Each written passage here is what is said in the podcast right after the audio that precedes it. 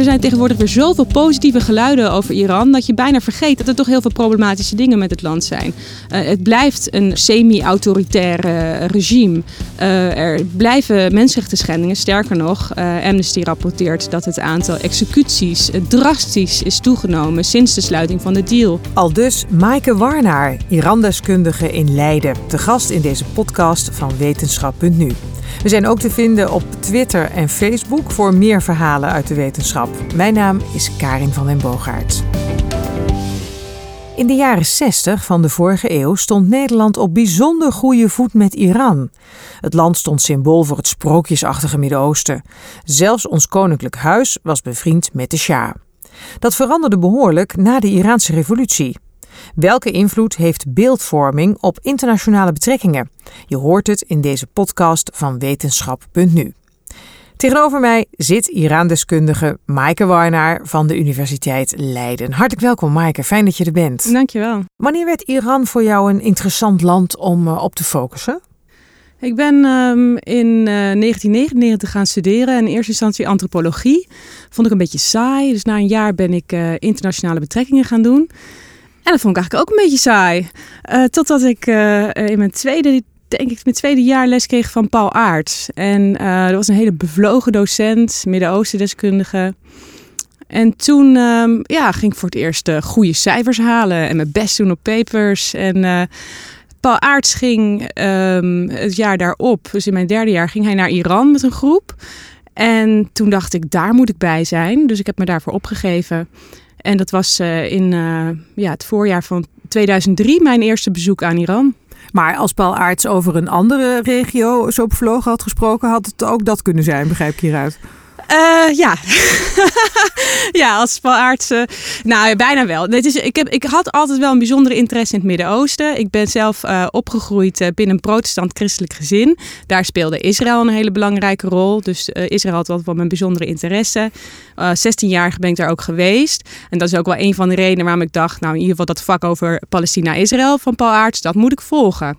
Kijk, en zo is het gekomen. En toen je dan uh, een bezoek aan Iran had gebracht, toen was je waarschijnlijk dan meteen helemaal verkocht. Helemaal niet. Nee? nee, nee, ik vond het eigenlijk helemaal niet een heel erg leuk land om te zijn. Iran heeft jou moeten veroveren. Uh, nou, absoluut, ja. ik vond de omgang met de mensen ingewikkeld. Ik vond ja, de taal, daar kon ik niks van maken. Uh, nee, het is eigenlijk pas daarna um, een beetje uh, gegroeid. En ik heb mijn masterscriptie geschreven over de aardbeving in Bam, in het zuiden van Iran. Um, die vond plaats in eind 2003. En toen uh, ben ik opnieuw naar Iran gegaan en toen is de liefde langzaam een beetje opgebloeid. Ah, je bent een van de lange ademen. Een diesel ben je. Even een bericht voor de luisteraars. Help ons om hoger in de iTunes-ranking uh, te komen door een recensie achter te laten. En daarnaast vinden we het leuk als er discussie komt naar aanleiding van onze podcast. Laat daarom vooral weten wat je vindt via Facebook of Twitter. Laten we eens even kijken, Maaike, uh, uh, hoe het zit met het onderzoek. Wat jij doet, jij focust je op de relatie tussen Nederland en Iran in de jaren 60 en 70. En de beeldvorming in die tijd over het land was um, heel anders dan nu. Waarom zijn juist die jaren 60 en 70 zo'n interessante tijd om te onderzoeken? Ja, het leuke is dat er eigenlijk heel veel parallellen zijn tussen toen en nu. Iran is in zekere zin hetzelfde land. Het is een islamitisch land, overwegend. Uh, het heeft nog steeds natuurlijk dezelfde geschiedenis. Hele, hele rijke uh, En een hele um, uh, karakteristieke cultuur ook. Met eigen feestdagen, een eigen kalender, et cetera. Um, maar toch, uh, wie er aan de macht is in Iran, heeft heel veel uitgemaakt voor hoe we naar het land kijken. Destijds was dat de Shah. Terwijl het toen een islamitisch land was, zeg je? Net als nu. Net ja. als nu? Ja, ook de Shah was een gelovige man en um, uh, presenteerde zichzelf als een hele vrome moslim. En ook als een, uh, hoe noem je dat, een, um, ja, een, een, een, een, een voorbeeld voor andere gelovigen. Dus die islamitische identiteit speelde in die tijd ook een belangrijke rol. Daar staat tegenover. Um, en toen waren we goed bevriend, toch, met Iran? Wat Zeker. ik net zei, het Koninklijk ja. Huis. Ja. We vonden dat allemaal prachtig. Absoluut. Ja, nee, de, de, de relaties tussen de Koninklijke Huizen waren ook erg warm. Uh, Prins Bernhard had zelfs een persoonlijke vriendschap uh, met de Shah. Ehm, en dat had er alles mee te maken dat de man zich ook presenteerde als een, ja, een soort verlichte leider die het, het land, Perzië werd het toen uh, meestal nog genoemd, um, zou leiden naar een, een toekomst waarin er um, uh, welvaart zou zijn, maar ook democratie, waar eigenlijk de westerse normen en waarden breder zouden gelden dan toen het geval was. Uh, en dat sprak Nederland ook heel erg aan. Uh, wij hadden in die tijd, zeker in de vroege jaren zestig, een sterk verantwoordelijkheidsgevoel. Een soort uh, ook wel internationale missie. We zagen onszelf als wereldburgers. Toch ook dat gidsland, hè? Nederland gidsland. Ook idee. dat, ja, ja zeker. Dus we, het, het, was voor ons interessant om daarin ook met Iran op te trekken. En te kijken hoe we, nou ja, hoe we het land ook zeker zin konden helpen om, om die doelen te bereiken. Wat interessant om dat vanuit nu, ja, dat is altijd natuurlijk bij historisch onderzoek, maar vanuit dat nu zo te bekijken en dan te constateren dat er eigenlijk heel veel dingen hetzelfde waren. Ja, ja.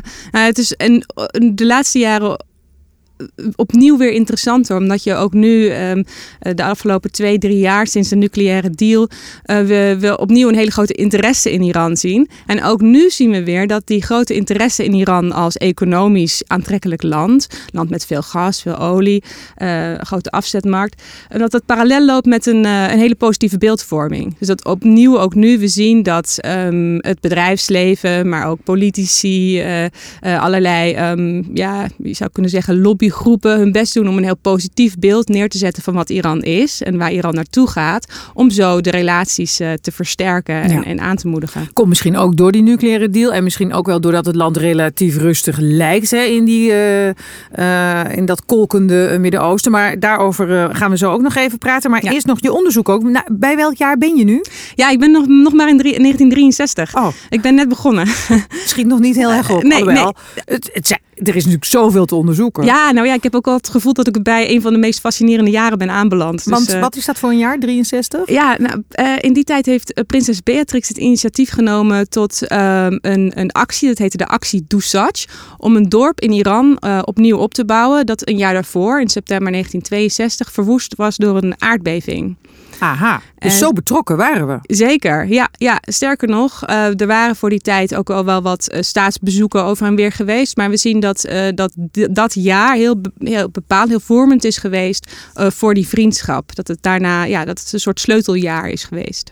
En sleuteljaar in de zin van uh, dat we toen zo goed hadden en is het daarna minder geworden? Of hoe, hoe, moet dat zien? Het is niet heel lang daarna dat de geluiden um, in Nederland sterker worden die, die, die, kritisch zijn over de Sja. Dus die uh, commentaar hebben over de grote verschillen tussen arm en rijk.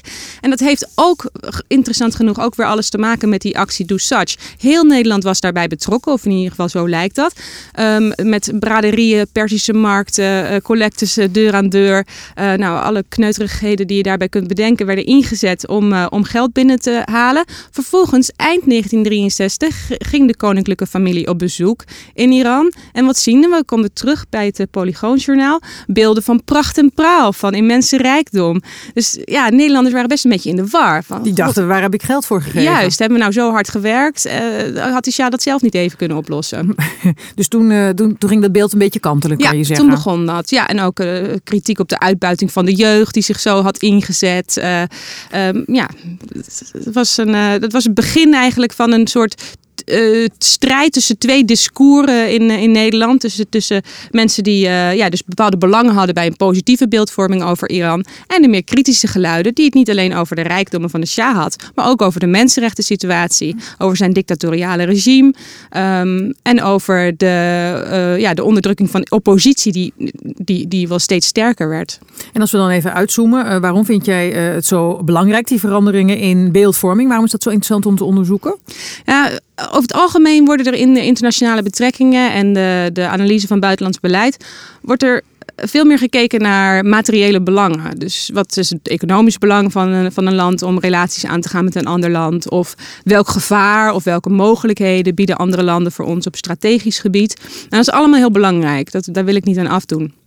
Maar wat vaak over het hoofd gezien wordt, is dat uh, goede relaties vaak parallel lopen, maar soms ook um, uh, volgen op uh, positieve beeldvorming. Dus we hebben een bepaald idee over een land en dat maakt dat land aantrekkelijk. En vervolgens zijn er ook strategische of economische redenen om met een land in zee te gaan. En dan zie je dat die relaties inderdaad van de grond komen. Vervolgens zien we dat er ook een wisselwerking is tussen die uh, goede relaties en die beeldvorming. Dus die, die houden elkaar in stand.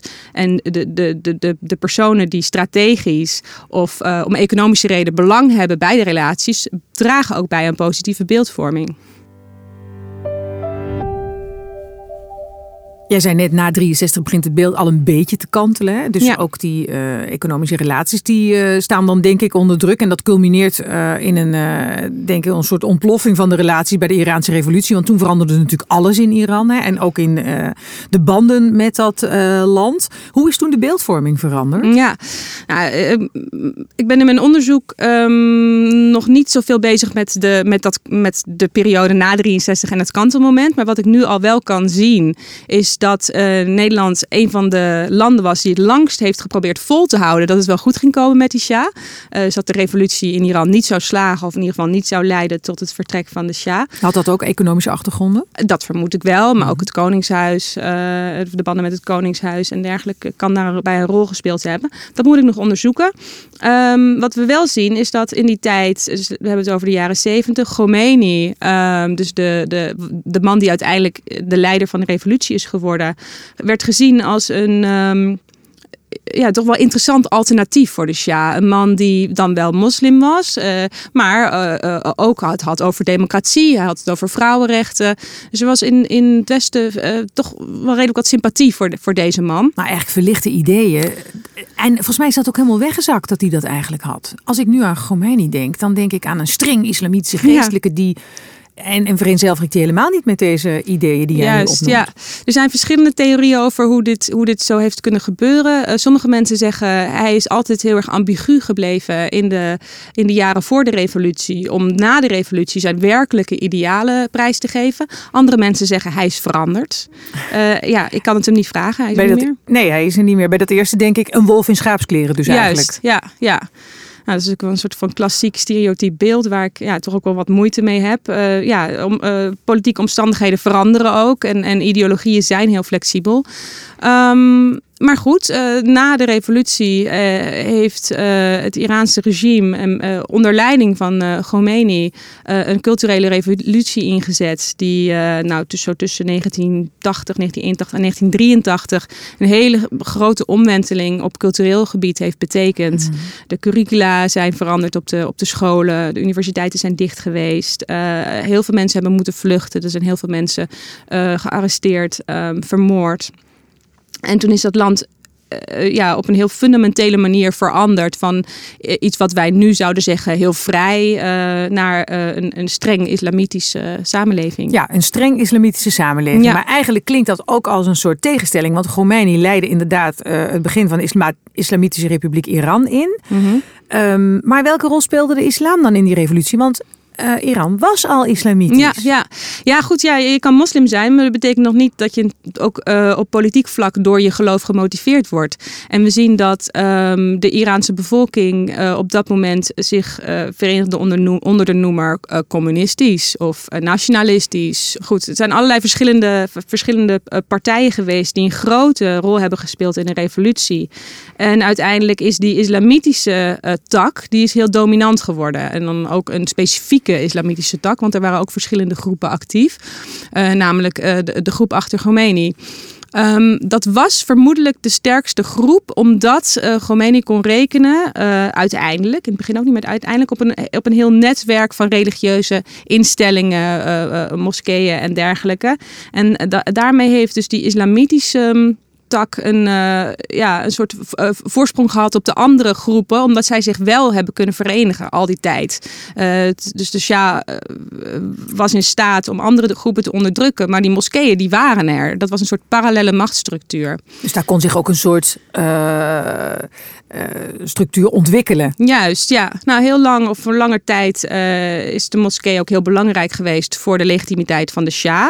Maar toen uiteindelijk um, een, een aantal belangrijke geestelijken zich achter uh, Khomeini uh, schaarden. We zien dat dat ook eigenlijk het kantelpunt is. Dat dan de Shah het begint te verliezen. Maar net zo goed als ik jou goed beluister als een van die andere stromingen het had gewonnen, had mm -hmm. het die kant op kunnen gaan. Ja, en dat is heel belangrijk om je dat te realiseren, omdat die groepen natuurlijk nog steeds in Iran aanwezig zijn. Ja, uh, politieke leiders van deze groepen zijn uitgeschakeld, uh, gevlucht of, of vermoord, uh, of nou ja, laten zich niet meer zien. Um, maar. Um, die mensen, de, de, de, de, de achterban van deze groepen is er daadwerkelijk. En dat zie je ook nog steeds terug. Ook wanneer er weer verkiezingen zijn. Um, dan zie je dat uh, de, de, de denkbeelden van Iraniërs ook binnen het regime nog heel erg uiteenlopen. En als je terugkijkt uh, naar de figuur van Khomeini. -hmm. um, wat um, wilde hij uiteindelijk toen hij die revolutie had bewerkstelligd? -hmm. Wat wilde hij met Iran? Ja. Um, nou ja, goed. Ook, nou ja, het is heel moeilijk om in zijn hoofd te kijken. Lastig, hè? maar uh, als we kijken naar wat er gebeurd is. Um, heel kort na de revolutie, um, een, een uh, anderhalf jaar later, heeft, heeft Irak Iran uh, binnengevallen. Uh, daar is heel veel over te zeggen waarom dat is gebeurd. Maar voor Khomeini was dat een soort kans om zijn macht verder te legitimeren. En wat we zien dat er toen gebeurd is, is dat er onder de Iraanse bevolking een soort nou ja, religieuze fanatisme ontstaan is. Dat heel erg gekoppeld werd aan die oorlog tegen Irak. En dat heeft Khomeini en zijn regime heel erg geholpen om, uh, om zichzelf te versterken, maar ook om tegenstanders uit te schakelen. Hm. Um, wat er toen ontstond was een samenleving waarin vrouwen gesluierd uh, uh, moesten zijn, waarin uh, allerlei nieuwe omgangsvormen tussen mannen en vrouwen golden.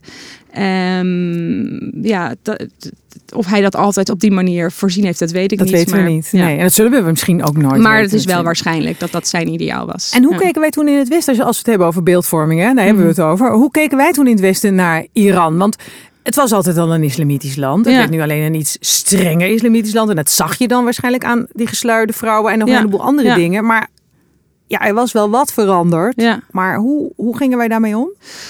Um, dat is een lastige vraag. Of zal ik zeggen, hoe denk je dat wij in het Westen toen keken naar Iran? Ja, ik, ik denk dat, we in die tijd, dat er in die tijd um, de negatieve beeldvorming over Iran heel erg heeft gedomineerd. Dat is ook niet zo gek. Um, de soort extreme uh, die daar toen uh, zichtbaar waren in het sociale leven, kan je bijna vergelijken met wat we hebben gezien bij IS. Um, er zijn ook grote verschillen, maar de, in, in de manier waarop er over gesproken werd, uh, zijn er ook heel veel parallellen. Um, daarbij moet gezegd worden dat Iran eigenlijk het eerste land was um, dat op deze manier, um, waar, waar, waarin op deze manier de islam zo, zo, zulke macht kreeg. Dus het was voor het Westen, en trouwens niet alleen voor het Westen, ook in het Midden-Oosten, een soort voorbeeld van wat er kan gebeuren als, uh, als strenge islamitische uh, groepen de macht uh, grijpen. En dat was voor veel mensen toch wel een heel griezelig, griezelig beeld. Ja, dat was natuurlijk wel even schrikken. Ja.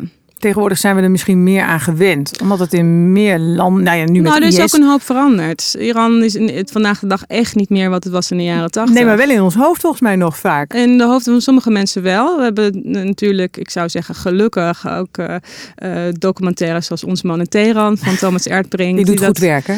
Um, die doet gedeeltelijk uh, heel goed werk. Gedeeltelijk? Ja. Oh, wat ja. voor gedeelte is Nou ja, ik vind het heel goed dat er een tegengeluid is tegen inderdaad dat hele soort van, um, de, tegen die karikatuur van een islamitisch land.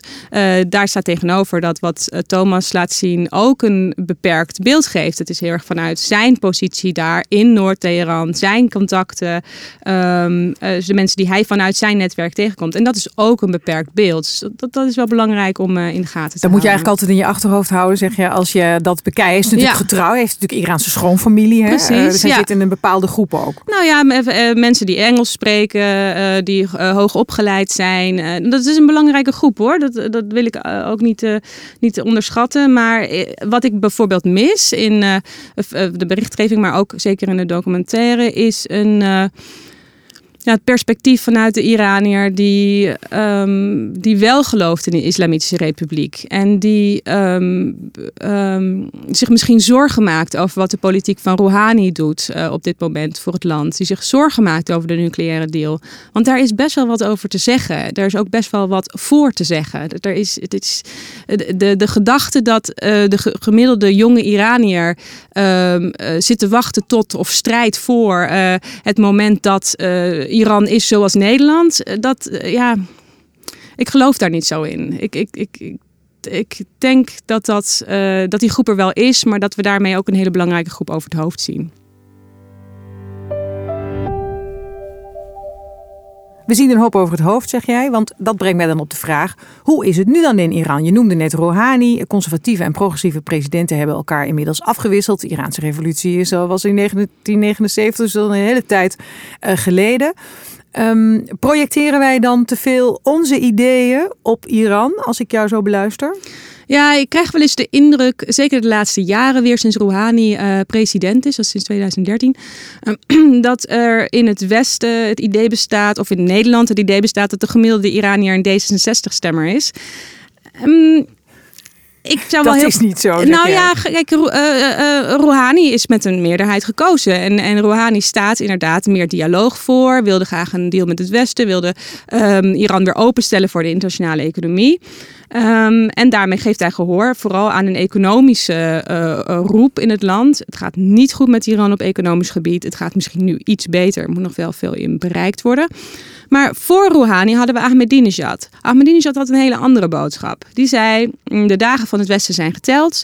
Um, het is een aflopende zaak. Wij moeten andere structuren gaan opbouwen. We moeten gaan samenwerken met andere niet-westerse landen. onze eigen instituties, internationale instituties maken onze eigen handelsbetrekkingen, et cetera. Want het Westen wil ons alleen maar de hele tijd vertellen wat wij moeten doen.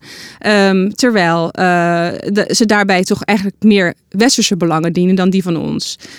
En daarmee zei Ahmadinejad iets wat we in heel veel niet-westerse landen horen. Wat we in Indonesië horen, in Turkije horen, wat we in Zuid-Afrika horen, wat we in Brazilië horen. Wat we natuurlijk in Venezuela hebben gehoord tijdens Chavez.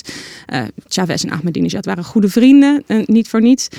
Um, dus hij, geeft, uh, hij heeft woorden gegeven aan een sentiment wat toch wel heel breed gedragen is. Want wat is dat sentiment? Hoe zou je dat benoemen? Iraans samen. En um, ja, toch een anti-wester sentiment. Of een sentiment uh, waarin de niet-westerse wereld zichzelf um, als uh, krachtig en capabel um, uh, neerzet. En de samenwerking aan wil gaan om um, ja, eigenlijk tot een multipolaire wereld te komen. Als reactie op het Westen, omdat het Westen vindt ja. uh, dat iedereen moet worden zoals het Westen ja. in, in allerlei opzichten. Ja. Bijvoorbeeld de opbouw van een democratie, et cetera? Nou ja, dat. Maar het Westen heeft daarin ook dubbele standaarden. Ik bedoel, dat, dat heeft uh, Ahmadinejad meerdere malen gezegd. Maar goed, daarin kan ik het met hem eens zijn. Uh, over uh, de mensenrechten schendingen in Saoedi-Arabië of Israël hebben we het veel minder dan die, die in Iran. Um, dus um, dubbele standaarden is een, is een, wordt genoemd als een probleem. Maar ook het bepalende. Het Westen mag altijd maar bepalen wat er gebeurt. Um, en um, de nucleaire deal bijvoorbeeld, Rouhani is daarin meegegaan, heeft die deal gesloten. Maar Ahmadinejad en, en mensen die denken zoals Ahmadinejad zien dat als een knieval naar het Westen. Het Westen bepaalt dat Iran zo'n deal moet sluiten. Waarom Iran? Waarom niet andere landen? Waar komt überhaupt de verdenking vandaan dat Iran met een bom bezig is? Um, de IAEA heeft, heeft meerdere malen gezegd dat die verdenking onterecht is. Internationaal agentschap. Juist, ja. Maar dat, uh, als de uh, gemiddelde Iranier zou ik nu verschrikkelijk in de war raken. Want Ahmadinejad uh, had een hele andere koers dan nu Rouhani. Hoe beleeft de gewone Iranier, als hij op staat, hè? want gewoon Nederlander bestaat ook niet. Maar hoe beleeft de gewone Iranier dat? Ja, nou, ik, ik denk dat um, het uiteindelijk de gemiddelde Iranier toch vooral te doen, op, te doen is om een verbeterde economische positie. Werkloosheid, jeugdwerkloosheid met name, is heel hoog in Iran. Inflatie is nog steeds een gigantisch probleem. Uh, verschillen tussen arm en rijk lijken alleen maar toe te nemen. Dus de economische ontwikkeling van, uh, van Iran is, uh, is de belangrijkste focus. En, en, als Ahmadinejad daar een goed verhaal bij heeft, dan mag Ahmadinejad dat proberen. Heeft Rouhani daar een goed verhaal bij, dan is het aan Rouhani. Nou, Rouhani had blijkbaar nu het beste verhaal, want die is gekozen. Ja. Die zit, is inmiddels aan de macht. Mm -hmm. um, maar ja, je, je kan natuurlijk van mening verschillen over hoe je dit kunt bereiken. Hè? Mm -hmm. uh, economische uh, voorspoed. Is dat uh, inderdaad opschuiven naar het Westen? Al dan -hmm. niet ook gewild door het Westen? Of is dat zelf een sterke positie ja. opbouwen? Gaat het daarom? Ja, daar gaat het wel om. En goed, nou, daar, daar speelt natuurlijk ook wel een klein stukje realiteitszin bij mee. Kijk, Ahmadinejad... Um, eh, Ahmadinejad was niet de, de idioot zoals hij vaak in het Westen werd neergezet. Hij had een, een, coherente uh, visie op het buitenland, op internationale betrekkingen. En um, nou ja, heeft daar ook daadwerkelijk wel dingen in bereikt. Daar staat tegenover dat zijn economische management in het land zelf echt abominabel was. En um, ja, ik kan hem, niet, ik kan hem niet als een capabele president omschrijven. Dus in, in, in die zin uh, zie, ik wel, zie ik zelf wel veel meer in Rouhani's uh, uh, beleid. Dus het is re realistischer. Realistischer. Maar ja. we zullen dan ook zien waartoe dat gaat leiden. Zijn wij door de verkiezing van Rouhani um, in het Westen dan ook weer anders naar Iran gaan kijken? Dat we bij wijze van spreken opgelucht zijn en denken... Ja. Hé, eindelijk weer ja. eens een wat verlichter leider. Juist, ja. En dat, is, dat, dat, dat vind ik wel een beetje problematisch. Um, er, is, er zijn tegenwoordig weer zoveel positieve geluiden over Iran dat je bijna vergeet dat er toch, dat er toch heel veel problematische dingen met het land zijn. Uh, het blijft een, een, een, een uh, nou, semi-autoritair regime. Uh, er blijven mensenrechten schendingen. Sterker nog, Amnesty rapporteert dat het aantal executies drastisch is toegenomen sinds de sluiting van de deal. Um, dus dan hebben we het nog niet eens over de rol van Iran in het Midden-Oosten. Op sommige plekken is Iran actief op een manier die ons wel zint, zoals uh, de strijd tegen IS. Maar op andere plekken, uh, en dan denk ik voornamelijk aan de, de support voor Assad, ja, zit Iran ons ook een beetje in de weg. En Iran heeft die rol alleen maar versterkt de afgelopen jaren. Iran is machtiger geworden in het Midden-Oosten.